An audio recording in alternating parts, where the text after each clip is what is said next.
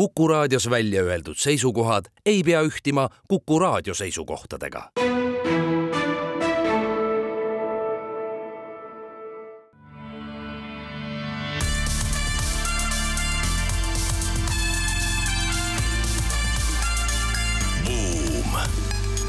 buumile annab hoogu SEB Pank oleme sel aastal viimast korda eetris Buumi saatega ning erisaate puhul kõik kolmekesi koos stuudios Raivo Vare, Ott Pärna ja Anto Liivat.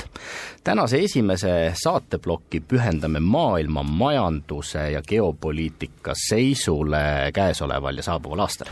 teises saateplokis räägime energeetikast ja rohepöördest kolmandas plokis räägime tehnoloogiatest ja firmade konkurentsieelistest nii täna kui tulevikus. ning neljandas plokis arutleme selle üle, mille peale juhid mõtlema peaksid saabuval aastal ning mida kõigest eelnevast järeldama. meie tänane saatekülaline on saate hea toetaja, SEB Panga juhatuse esimees Allan Parik, kes aitab meil ka kõiki teemasid kommenteerida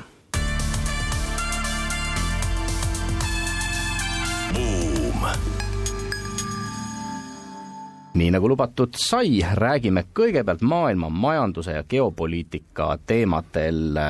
nii investorid kui suurettevõtete juhid peavad geopoliitikat saabuva aasta maailma majanduse kõige suuremaks riskiks. ÜRO on andnud teada, et maailma kaubavahetuse maht peaks kukkuma viie protsendi võrra, samal ajal me teame, et kõikidel sugugi halvasti ei lähe, näiteks oli lõppev aasta ülirikaste jaoks suurepärane, jõukamate perekondade vara natuke kasvas enam kui nelikümmend protsenti, luksuskellade müük lööb kõigi aegade rekordeid, vaatasin, et Porsche teatas, et nende käive peaks kasvama kolmteist protsenti ja, ja ärikasum üheksa protsenti, hästi, nii et ka luksusautodel läheb hästi, no samal ajal ähm, lõhed rikaste ja vaeste vahel maailmas muudkui kasvavad, see tekitab üha uusi pingeid maailma elanikkonnast, enam kui kolm miljardit inimest äh, elavad täna sellistes tingimustes ja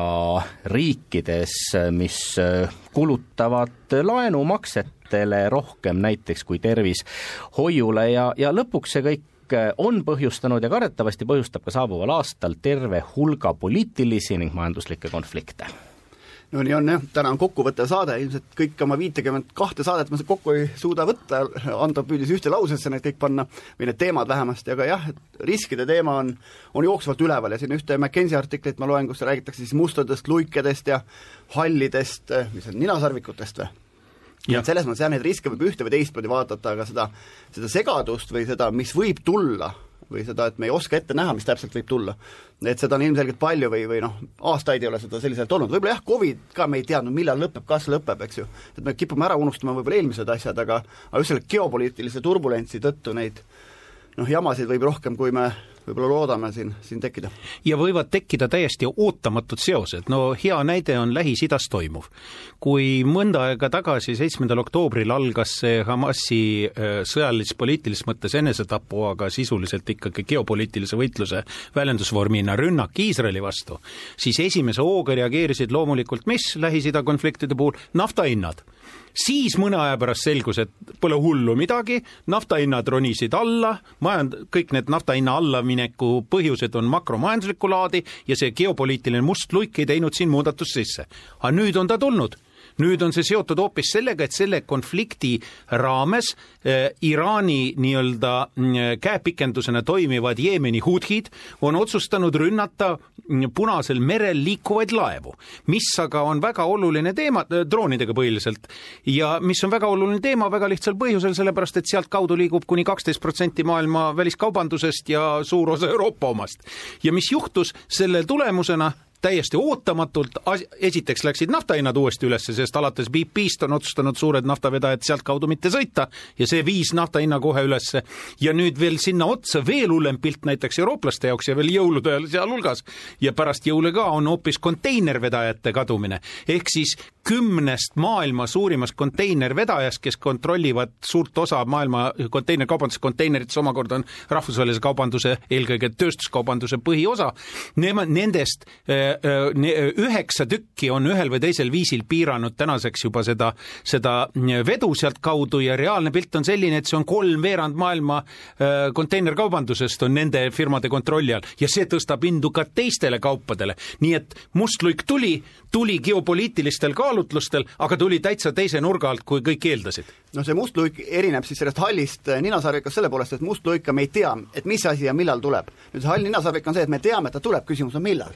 Istanbulis öeldakse, et viie aasta jooksul tuleb samasugune maavärin Istanbuli linnas, kui oli, oli, oli Türgis mõni aeg tagasi, eks. Äh, Tokyos on öeldud, et Tokyo kesklinnas tuleb maavärin saja aasta jooksul. me ei tea, me teame, et ta tuleb, me ei tea, kas ta tuleb järgmine aasta või tuleb üheksakümne üheksa aasta pärast, eks. no maailma majanduses ei olnud sugugi nii halb aasta, kui me võib-olla ka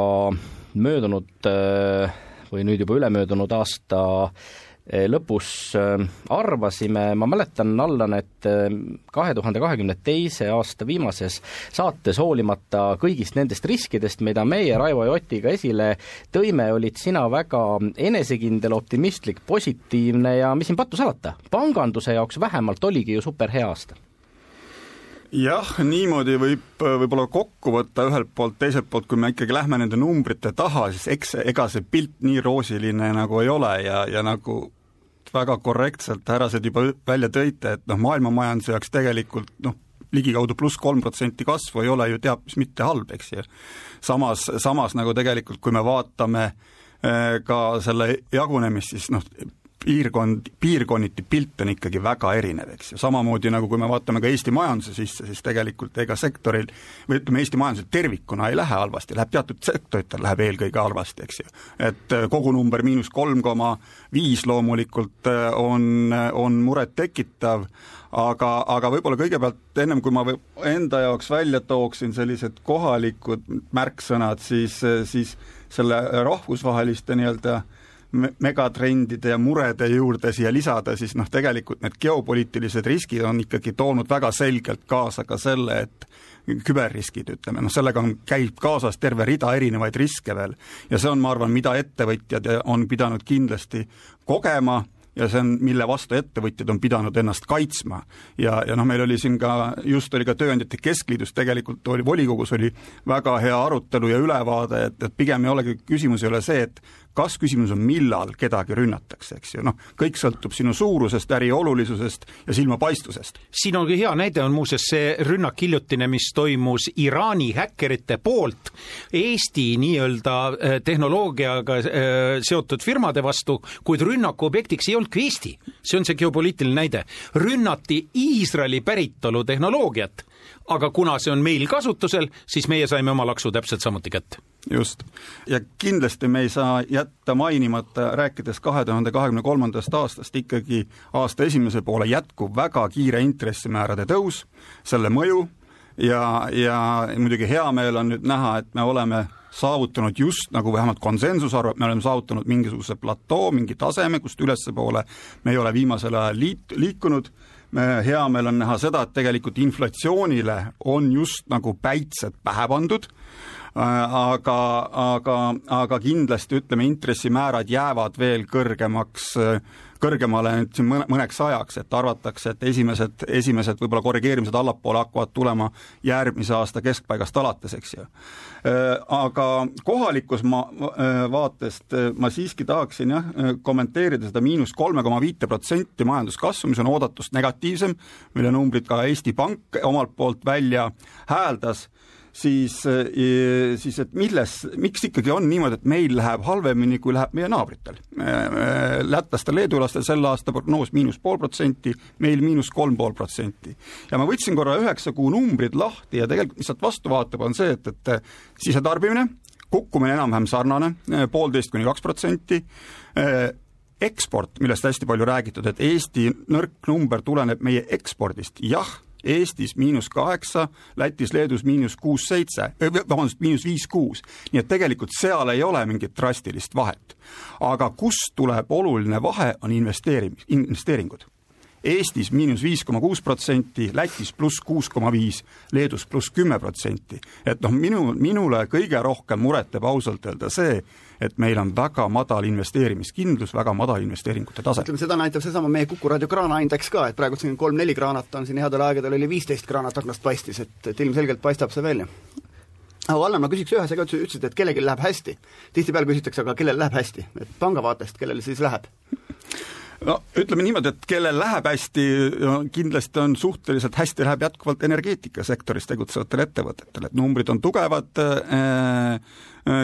esimese äh, poolaastal läks tegelikult päris hästi, läks ka ikkagi äh, kaupmeestel, noh, ütleme aasta teine pool on nüüd kukkunud ja on muutunud nõrgemaks. et aga, aga jah, energeetika, kui, kui sa oleks küsinud mu käest veel aasta keskpaigas, ma oleks öelnud, põllumeestel ka enam-vähem, aga, aga nüüd ma ikkagi kuulen väga vastandlikke signaale, et, et kohati on nagu see pilt äh,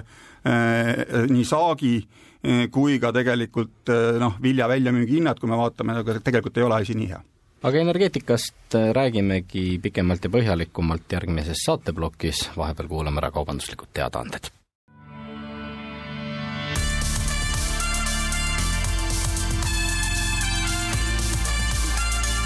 buum.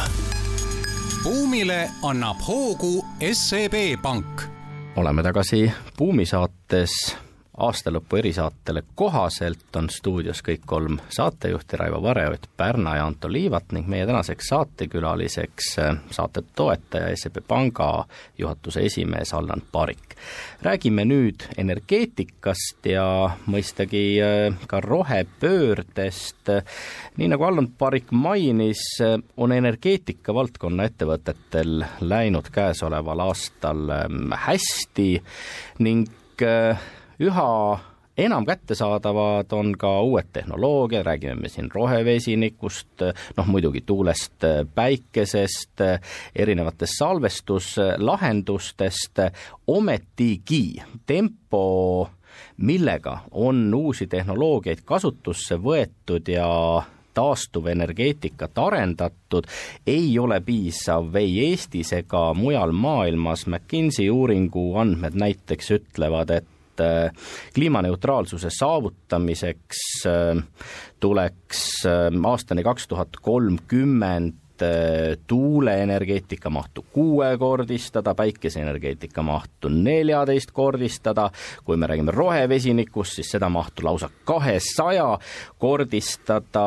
samme on ju astutud, noh kas või Euroopa Komisjoni initsiatiiv Vesinikupangast, samas see kaheksasada miljonit eurot, mis sinna Vesinikupanka Eh, lubatud on, ei ole kindlasti piisav on väga selge jah, et majanduse pikaajaline konkurentsivõime sõltub tulevikus üha enam energia kättesaadavusest ja energia hinnast ja oluline ei ole mitte ainult eh, selle kättesaadavus ja hind, aga see allikas siis ja, ja kui ma ennist siin ütlesin tõesti, et, et energeetikasektori ettevõtetel on läinud hästi, siis ikkagi see väljakutse, mis meil riigina tervikuna on, madal investeeringute tase, see vaatab vastu samas sektoris samamoodi. Et äh, meie naabrid liiguvad ikka tohutu kiirusega, näiteks ma käisin siin septembris, kui ma käisin külas oma Soome kolleegil, siis ta ütles, et tal on laua peal töös see oli, see oli septembris käisin, ütles, et juulis oli tal enne puhkusele minekut olid töös tuuleenergia finantseerimise projekte kogusummas nelikümmend viis miljardit eurot. käis puhkusel ära, tuli augustis tagasi, projektide arv oli kasvanud kuuekümne kolme miljardi peale. Et, et noh, see näitab nagu tegelikult, kui jõuliselt äh, meie naabrid äh, seda teemat ja kui tõsiselt seda teemat võtavad ja, ja, ja noh, selliste pikaajaliste äh, kapitalimahukate investeerimiste otsuste jaoks ikkagi see, pole midagi öelda, õiguskindlus, õigusselgus on väga oluline ja see on meil praegu habras ma arvan, et siin on ka äh, pikema vaate probleem samuti, sellepärast et see kindlus peab olema ju energeetika puhul aastate peale ette. Ja tegelikult ka energeetika investeeringute nii-öelda realiseerimistsükkel on kümme pluss aastat valdavalt. no hea küll, me räägime nüüd, et toome viie aasta peale või kuue aasta peale, aga isegi sellisel juhul see, mis täna on tegemata investeeringuna, see ei tööta veel täna viis pluss aasta pärast. ehk siis me sellega mitte ainult täna ei ole probleemi ees, millest juba juttu oli, vaid me oleme probleemi ees ka veel tulevikku vaadates, kui niimoodi jätkame. samas jälle, McKinsey andmed ütlevad, et kuni aastani kaks tuhat kolmkümmend peaks erinevad nullenergia tooted, teenused äh, lisandväärtusena looma siis äh, noh, kümmekond triljonit dollarit, miks siis ettevõtted ikkagi sellest võimalusest kinni ei haara, Raivo? no ebakindlus ikkagi, sellepärast et see üleminek käib praegu valepidi. üleminek käib jõuga ja jõuga, see on minu lemmikteema ja tule, selle juurde võib tagasi tulla, aga üldjuhul sellised üleminekud töötavad paremini, kui nad käivad nii-öelda samm-sammult loomulikul viisil. praegu on nii-öelda jõuga läheb see roheline pool peaks ees minema, samal ajal olemasolev energeetiline baas, mis on ju tsivilisatsiooni alus, majandusedu nii-öelda eeltingimus ja, ja kõik muu sinna juurde, ei jõua tegelikult ümber kohanduda nii kiiresti ja teised sektorid samuti, noh, viimane uudis on panganduse vallast, eks ole, kus nüüd Baseli nõuete teema on tekitanud äh, pangandusringkondades äh, teatud äh, kõhkluse, et see võib mõjuda isegi roheinvesteeringuid, sest pankade kaudu käivad ju rahad, eks ole. ja, ja, ja need karmistunud tingimused hakkavad samuti takistama seda roheüleminekut, ehk siis meil nagu ühiskond veel räägib palju, tahab ka palju, aga valmisolekut puht institutsionaalset, tehnilist, sealhulgas kas ka rahalist, aga ka psühholoogilist veel ei ole. sinna otsa muidugi veel kõik, mis toimub seoses, tahaks eraldi rääkida COP-ist ja COP kahekümne kaheksast ja arenguriikidest, aga võib-olla isegi ei jõua ma tahtsin kaks, kaks teemat siia vahele öelda, et, et noh, mitte kõigil energeetikaäris ei lähe hästi, et mul siin sõber kohtutäitur müüb just parasjagu ühte päikseparki, mille suurus on kaks jalgpalliväljakut, eks. ehk siis, et kriisi ajal tegelikult viiakse ka või vara vahetab omanikku ja see on ka selline teatav, teatav korrektsioon turul, ilmselt pangad on siin taga ühed mõjutegurid, kellede laene ei suudeta teenindada ja seetõttu hakatakse siis, vara hakkab omanikke vahetama. aga ma tahtsin teisest asjast rääkida, et see oli aasta kaks tuhat kümme, kui Günter Pauli kirjutas ühe raamatu nimega Blue, The Blue Economy kus ta nimetab siis, miks blue, mitte green, ta ütles, et, et, et kõik, mis on green, on niimoodi mitte jätkusuutlik, et kliendid peavad maksma rohkem, investorite kasumid on väiksemad, valitsused peavad neid subsideerima, ehk siis nad oma loomulikus ärimudelis on jätkusuutmatud, versus siis see nagu sinine majandus, noh miks ta on sinine, et maailmamerd on maailmas rohkem kui rohelist ala, seetõttu ta räägib sinisest majandusest, aga et et seal on uuenduslikud ärimudelid, mitmetahulised rahavood, on ju, et kus mit-, mitte ainult siis väärtusahela lõpust ei saada nagu see tulu kätte, vaid tegelikult ka vahepeal, on ju, kuidas siin noh, ma ei tea, kohvitaimede peal kuskil arengumaades kasvatatakse seeni ja sealt tekib vahepealt ka mingisugust tulu, et et, et ühesõnaga need tõeliselt jätkusuutlikud ärimudelid on märksa nagu sellised komplitseeritumad kui lihtsalt sellised jah, vägisi, nagu Raivo ütleb, ülemindavad, kus siis valitsus tegelikult kas siis subsideerib või kellelgi korjab maksu kokku, et seda muutust nagu manada turul, et loomulikust seda muutust ei teki. Jah, aga ma arvan, et oluline on ikkagi see, mida riik peab jälgima, riik peab jälgima, milline on nagu meie konkurentsisituatsioon ka meie lähiriikidega. milliseid otsuseid tehakse seal ja mitte ainult lähiriikidega, vaid globaalselt, et me ei ole nagu, me ei ole nagu omaette saar, eks ju, nii et, et noh, me peame jälgima, milliseid otsuseid tehakse nagu mujal ja, ja noh, tulles selle sinu näite juurde, kus et müüakse päikeseparke, eks ju, noh tõenäoliselt oli see, et, et tal oli tur-, tehtud turu vastu, leping oli turu vastu, eks ju, niimoodi, et, et ja kui me näeme siin suvel teatud päevadel, eks ju, elektri hind on isegi nagu negatiivne, eks ju. et, et selles mõttes see ongi nagu, ma arvan, et, et miks pankade ja ettevõtjate nagu investeerimisvalmidus täna on nagu nendesse suurematesse nagu roheenergia projektidesse ikkagi nagu ettevaatlik, on see, et, et meie majanduse väiksusest tulenevalt pole nagu selles mõttes niisugust hinna, hinnagarantiid, raami, mille vastu neid projekte nagu finantseerida, et, et turuhinna vastu teha, neid on ilmselgelt natukene liiga riskantne, nii et, et seega nagu see, et oleks nagu ka mingisugune nii-öelda kas siis riiklik äh, nii-öelda siis põrand koridor, mis iganes, mida nagu väga paljud riigid ümber meie nagu kasutavad, mis annaks sellise investeerimiskindluse nende äärmuslikes situatsioonides, ma arvan, et see on see, mida nagu ettevõtjad ootavad üks väga lühikene repliik veel vahele seoses kolmanda maailma riikidega või aren-, arengumaadega. nimelt nende nii-öelda soov minna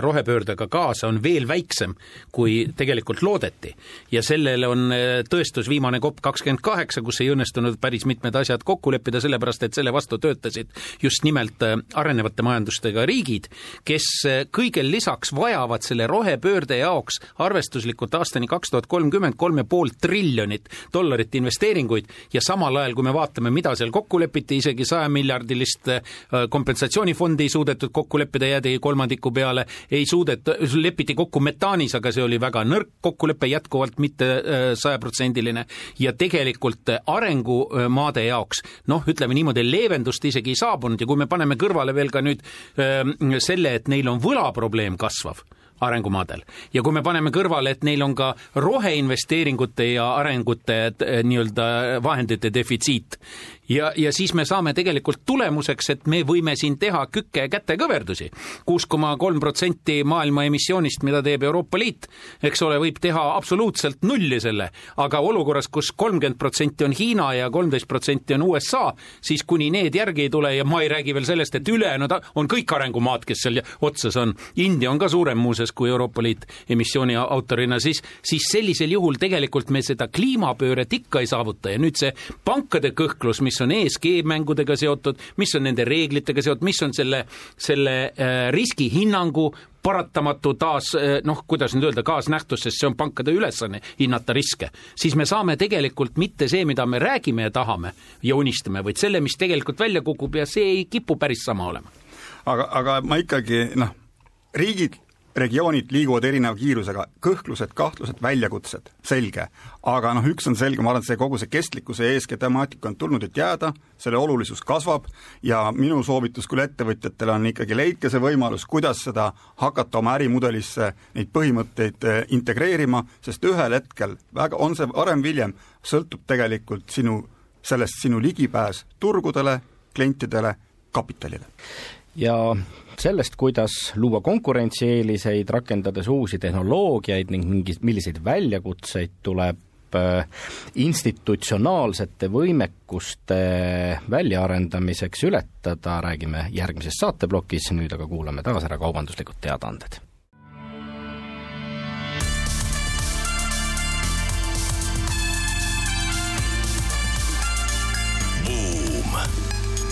buumile annab hoogu SEB Pank. oleme tagasi Buumi eetris, aastalõpu saates, kohal kõik kolm saatejuhti, Raivo Vare, Ott Pärna ja Anto Liivat ning meie tänaseks saatekülaliseks on äh, Buumi hea toetaja, SEB Panga juhatuse esimees Allan Parik. räägime nüüd äh, uutest tehnoloogiatest ning ettevõtete konkurentsieelistest, mida uute tehnoloogiate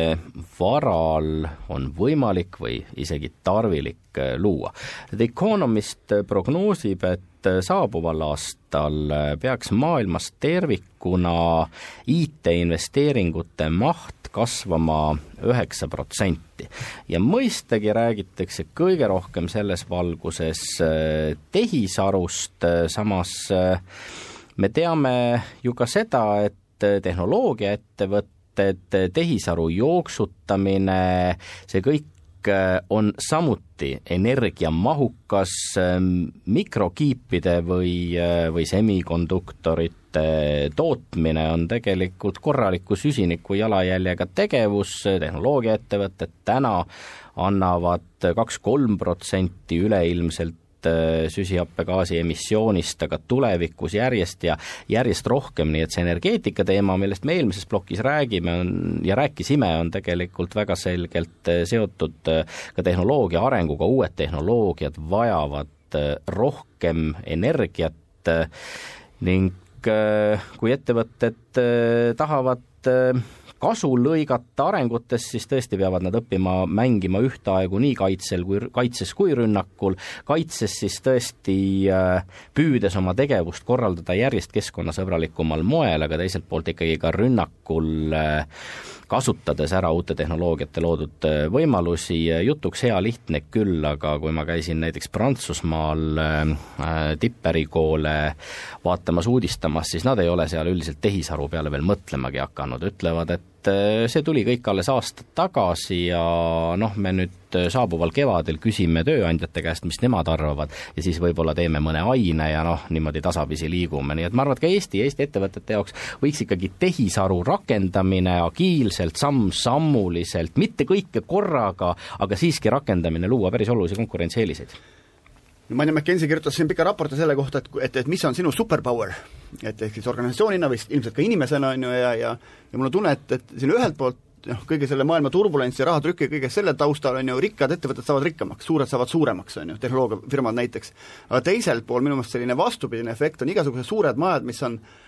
noh, definitsiooni kohaselt stagneerunud, on ju. Nad ei liigu kiiresti, nad lähevad sellise Harju keskmise suunas, igasugune teravam pliiats pigem puksitakse sealt majast välja, kui ta sinna jääb, on ju, igasugused avalikud asutused näiteks, eks ju, et siin terve hulk selliseid organisatsioone võib ka selles muutuvas maailmas nagu koha kaotada. tõsi, teatud hulk selliseid riigi poolt subsideeritavaid organisatsioone saavad võib-olla tagantjärgi alles aru, et, et midagi tehti valesti, selles mõttes, et äriorganisatsioonis on parem, vaata see turg reageerib kiiremini. konkurendid söövad su ära, kui sa ei liigu, avalikud organisatsioonid on noh, püsti igal juhul, eks. no me oleme siin saates ka refereerinud ühte brittide uuringut, kus ainult kümme protsenti Ühendkuningriigi tööandjatest tajuvad reaalset vajadust investeerida oma töötajate digioskuste äh, arengusse.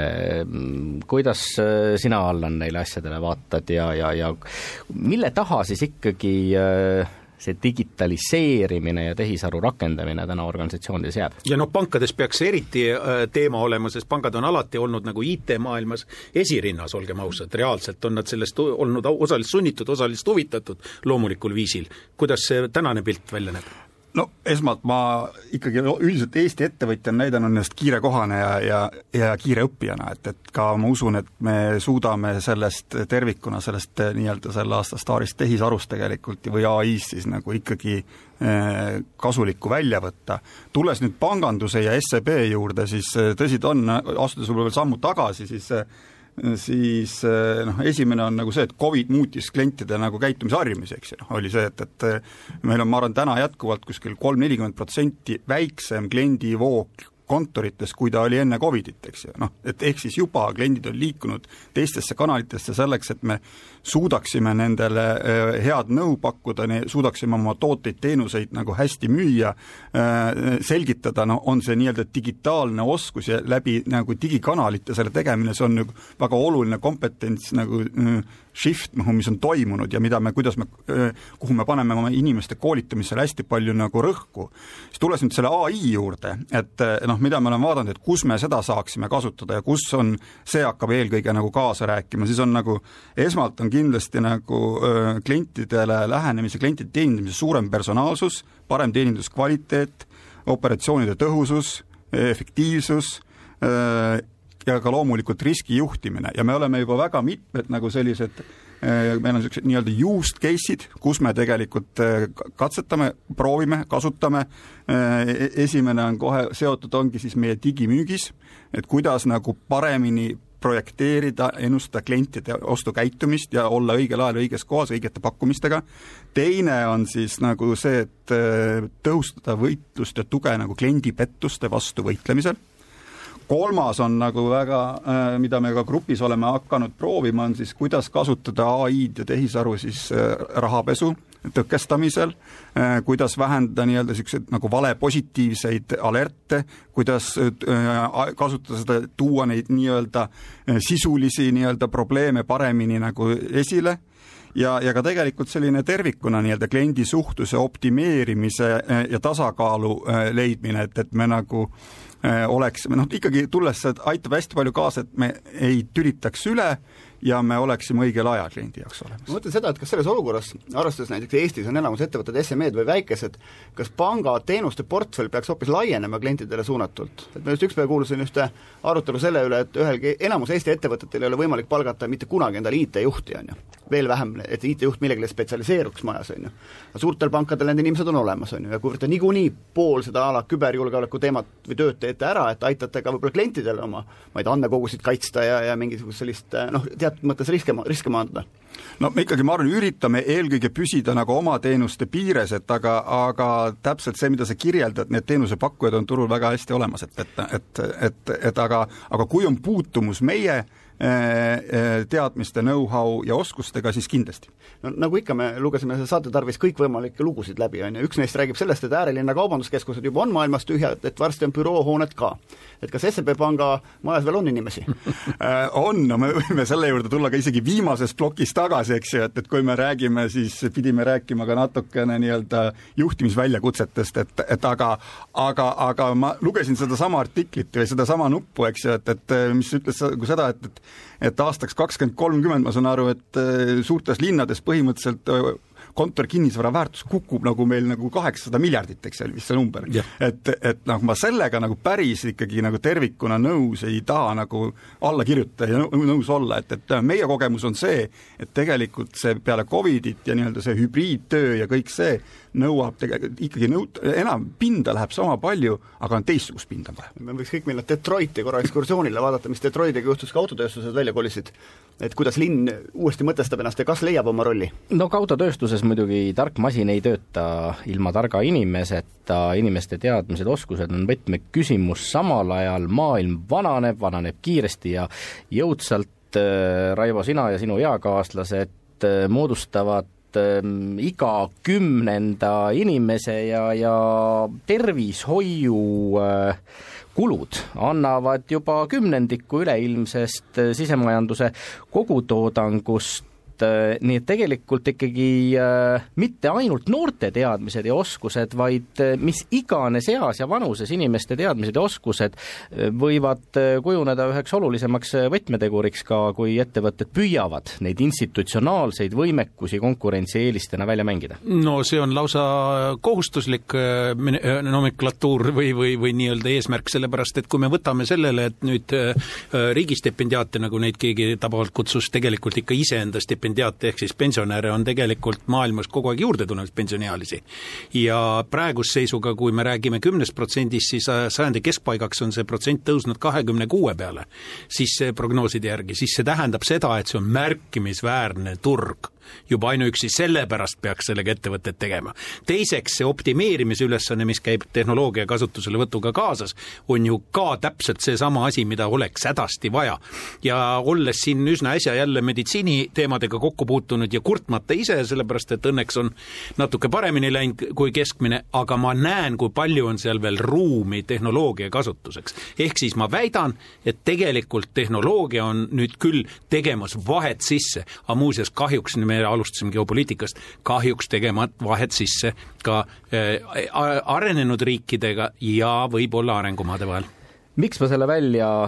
tõin ennekõike seepärast, et tihtipeale peetakse tehnoloogiat selliseks noorte asjaks ja arvatakse, et noh, heakene küll, teebki vahe sisse nooremate ja vanemate inimeste vahel, samas mulle tundub, et ettevõtete, ettevõtjate, tööandjate ülesanne on järjest rohkem seda vahet vähendada, sest tööjõu nappuse tingimustes lihtsalt ei saa endale seda luksust äh, lubada, et tehnoloogia ja kõik tehisaruga seonduv jääb ainult äh, nii-öelda noorte asjaks. nüüd ma virisen ka natukene vanema inimesena, nimelt tehnoloogiaga tegelevad ettevõtetes reeglina noorema põlvkonna esindajad. see on nii-öelda, nii ettevõtted on noored kui ka sealt töötajad on noored, mistõttu nende nii-öelda ettekujutus isegi, rääkimata arusaamast sellest, mis on aktuaalne selle segmendi jaoks ehk siis vanemaealise segmendi jaoks on lihtsalt puudulik. ehk siis sellega tuleb eraldi tegeleda kuna neid tuleb ju kogu aeg juurde ja see on turg ja see on raha ja see on teenivus ja see on tegelikult ka lõpuks meie elu paremaks muutmine. just nimelt, sellepärast McKinsey ütlebki, et digimuudatuste juurutamise,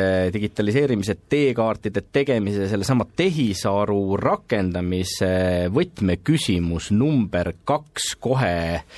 tehnoloogilise teadmise järel on organisatsiooni kultuur, kultuur ja see, kuivõrd organisatsiooni kultuur võimaldab ja toetab uusi tehnoloogiaid rakendada. kuulame nüüd aga ära taas kaubanduslikud teadaanded ning seejärel jätkame juhtide ja juhtimise väljakutsete teemadel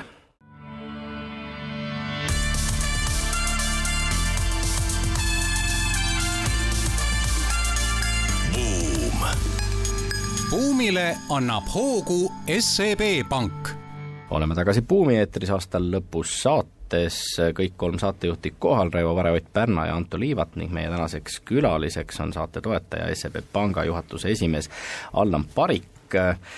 oleme rääkinud globaalpoliitikast ja maailmamajandusest, energeetikast, uutest tehnoloogiatest, nüüd räägime sellest, milliste väljakutsetega kõige eelneva valguses juhid silmitsi seisavad. McKinsey uuringu andmed ütlevad, et tänasest kuni aastani kaks tuhat kolmkümmend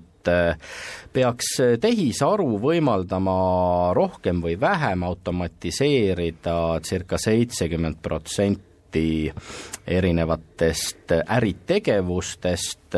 eelmises plokis äh, arutlesime selle üle, kas tehnoloogia peaks olema või on eelkõige noorte pärusmaa või võiks ka keskealistel ning vanemaealistel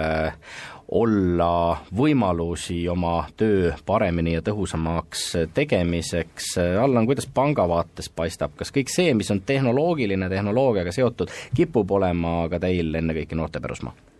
ei, ta ei kipu päris nii olema, et, et kui ma vaatan meie IT ja äriarenduse valdkonna nii-öelda keskmist vanust, siis pean tunnistama tegelikult, et see on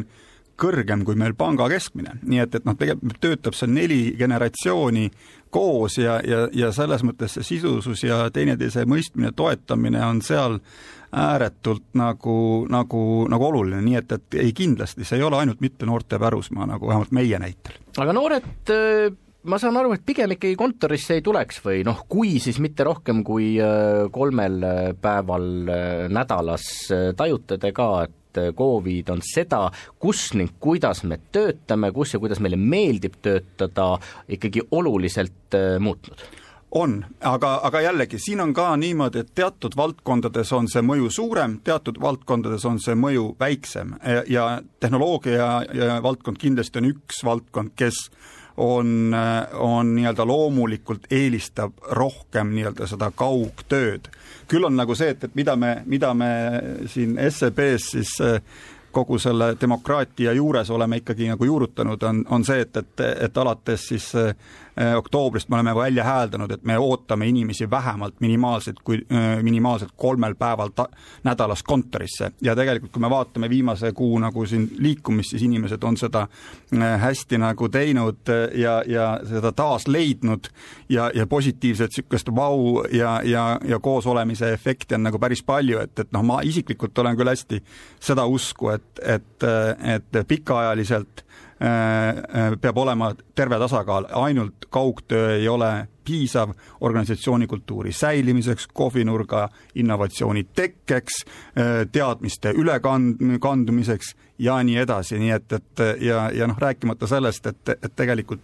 inimesed ütlevad, kui nad, uuring oli ka ju siin on mitmed uur, erinevad uuringud, et mida inimesed tunnevad, kui nad on kodukontoris, et noh, nad tunnevad nii-öelda sellest kuuluvusest puudu, aga noh, tule kontorisse. Äh, kui me räägime sellest, äh, mis praegu toimub, siis me näeme ju ümberringi maailmas toimub muudatus ja muudatused õigemini ja neid on massiliselt. ja nendega tuleb kohaneda ja tegelikult ju juhid on organisatsioonis need, kes peavad selle kohanemise tagama, selle, selle nii-öelda kestliku ja järjepideva äh, funktsioneerimise, kohanema muudatustega, ka nendega, mis teinekord ei ole kõige meeldivamad või mis on isegi vastuolus seniste traditsioonide, kaasa arvatud juhtimiskultuuriga mõne, mõneti, ehk siis juhtide ülesanne on tegelikult olla ne, selle prots-, kohanemis, jätkusuutliku kohanemise protsessi juhid ja, ja, ja vedada seda enda järel ja selle kohta on siin seesama McKinsey kirjutanud, et sellega peab tegelema, selle kohta on väga paljud rääkinud ja artikleid kirjutanud, eks ole, noh,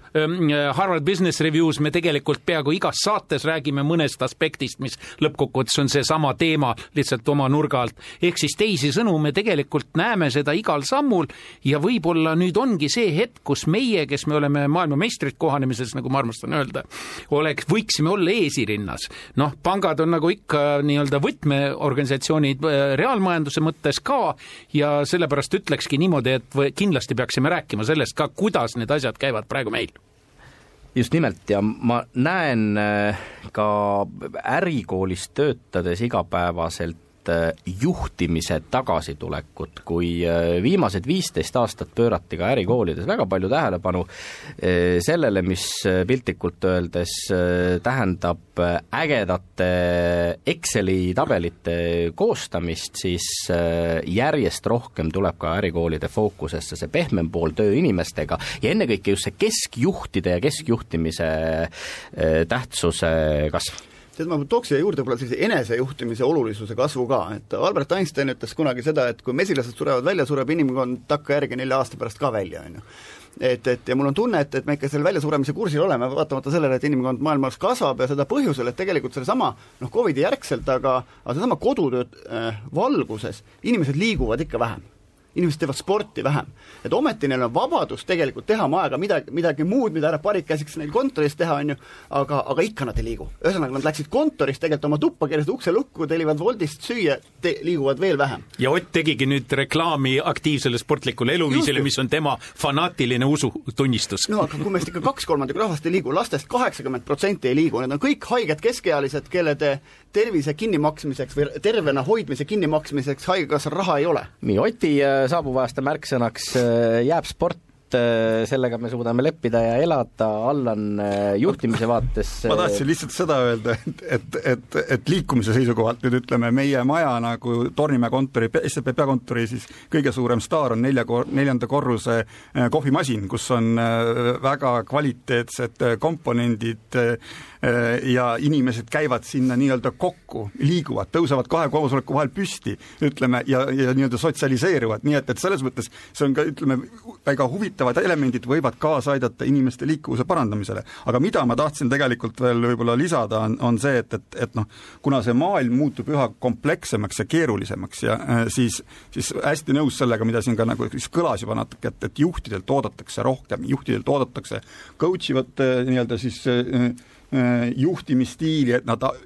suudaksid avada oma inimeste potentsiaalid, moodustada terviklikke meeskondi, kes suudavad tegelikult iseseisvalt, et ütleme, tänane maailm on niivõrd keeruline, et kõik ei saa olla ühe juhi peas kõik teadmised, et see, sul peavad olema hästi komplekteeritud meeskonnad, kes on võimelised neid erinevaid keerulisi väljakutseid iseseisvalt lahendama, ise otsuse, iseseisvalt otsuseid vastu võtma, selline nii-öelda omanikutunde tekitamine. Ja, ja minu arust võib-olla viimane asi, mis ma tahtsin siia veel juurde lisada, on siis, on tegelikult äh, hästi oluline on selge ja läbipaistev kommunikatsioon et, et noh, meil on nagu näiteks, me oleme sisse viinud siin juba mõnda aega, iga kuu on meil nagu all staff või kõigi töötajate kõned, mida siis mina nagu sissejuhatajan läbi viin ja kus tegelikult kõikidel töötajatel on võimalus otse laivis küsida, mis nende südamel on ja need on hästi populaarsed, hästi äh, soojalt vastu võetud ja ma arvan, tagavad selle, et me kõik oleme ühel lehel Allan ütles oma juhtimisega seotud fookused, märksõnad äh, ära, ma ütlen ka kaks, siis äh, Raivo Ott äh, samuti siia saate lõppu, minu jaoks üks on kindlasti usaldus, puudutagu see tehisaru, puudutagu see kontoris või mitte kontoris töötamist, mitmekesisus töökohal, poliitilises turbulentsis toimetulekut,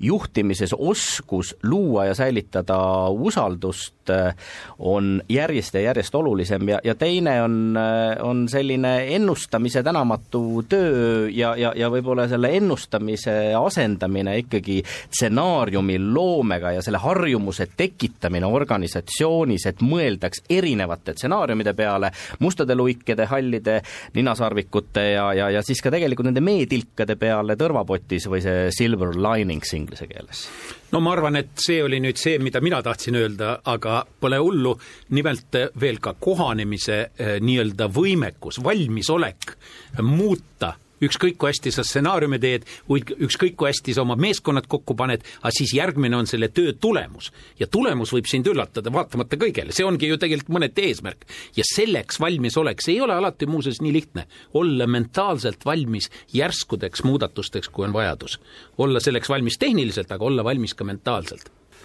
jah, kui kuskilt otsast kokku võtta, ma, ma tsiteeriks siis pigem Jack Maad, kes on Alibaba grupi juht, muuseas viiekümne üheksa aastane, keskmine kehalise õpetaja maailmas nelikümmend kuus aastat vanu, vana ja kõige edukam startup'i founder nelikümmend neli aastat vana. et me siin vähemalt Antoga võime vabalt startup'e teha, mida me ka teeme. aga mida härra Maa on öelnud tegelikult, et et ta ei ole kaugeltki mitte kõige kõvem tehnoloogiamees. ta kindlasti ei ole kõige kõvem finantsist Alibaba grupis. ja tema ainus mure on olnud, tal on kaks muret. üks asi, ümbritseda ennast endast targemate inimestega, ja teine, mitte ainult ümbritseda, vaid üldse seda, et vaata, rumalad inimesed teevad hea meelega koostööd, aga targad ei tee. ja tema teine oluline roll on, et targad inimesed, kellega ta on ennast ümbritsenud, siis omavahel koostööd panna tegema. ja kui sa seda suudad, siis on sinu ettevõte ka edukas jaa, et, et alguses, kui me alustasime selle geopoliitikaga, tegelikult jäi üks asi mul mainimata, et mis, mis mind tõesti nagu siiralt üllat-, positiivses mõttes on sellel aastal nagu koha peal üllatanud, on ikkagi see, et, et meie ettevõtjate ja majapidamiste selline vastupanuvõime kõikidele nagu nendele erinevatele väljakutsetele ja šokkidele, mis meid ümbritsevad tegelikult, nad on ikkagi väga hästi hakkama saanud oma kohustuste, oma rahavoogude juhtimisega keskmiselt, loomulikult väljakutseid on, aga tegelikult see nii-öelda inglise keeles hea sõna, nagu resilience, vastupanu,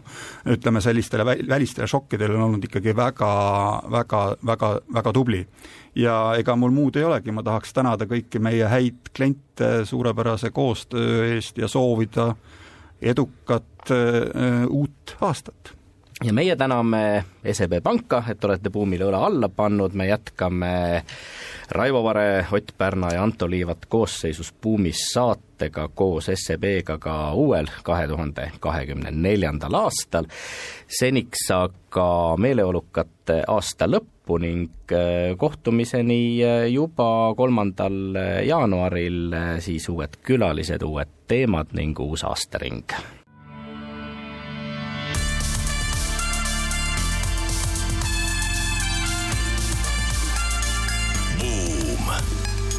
buumile annab hoogu SEB Pank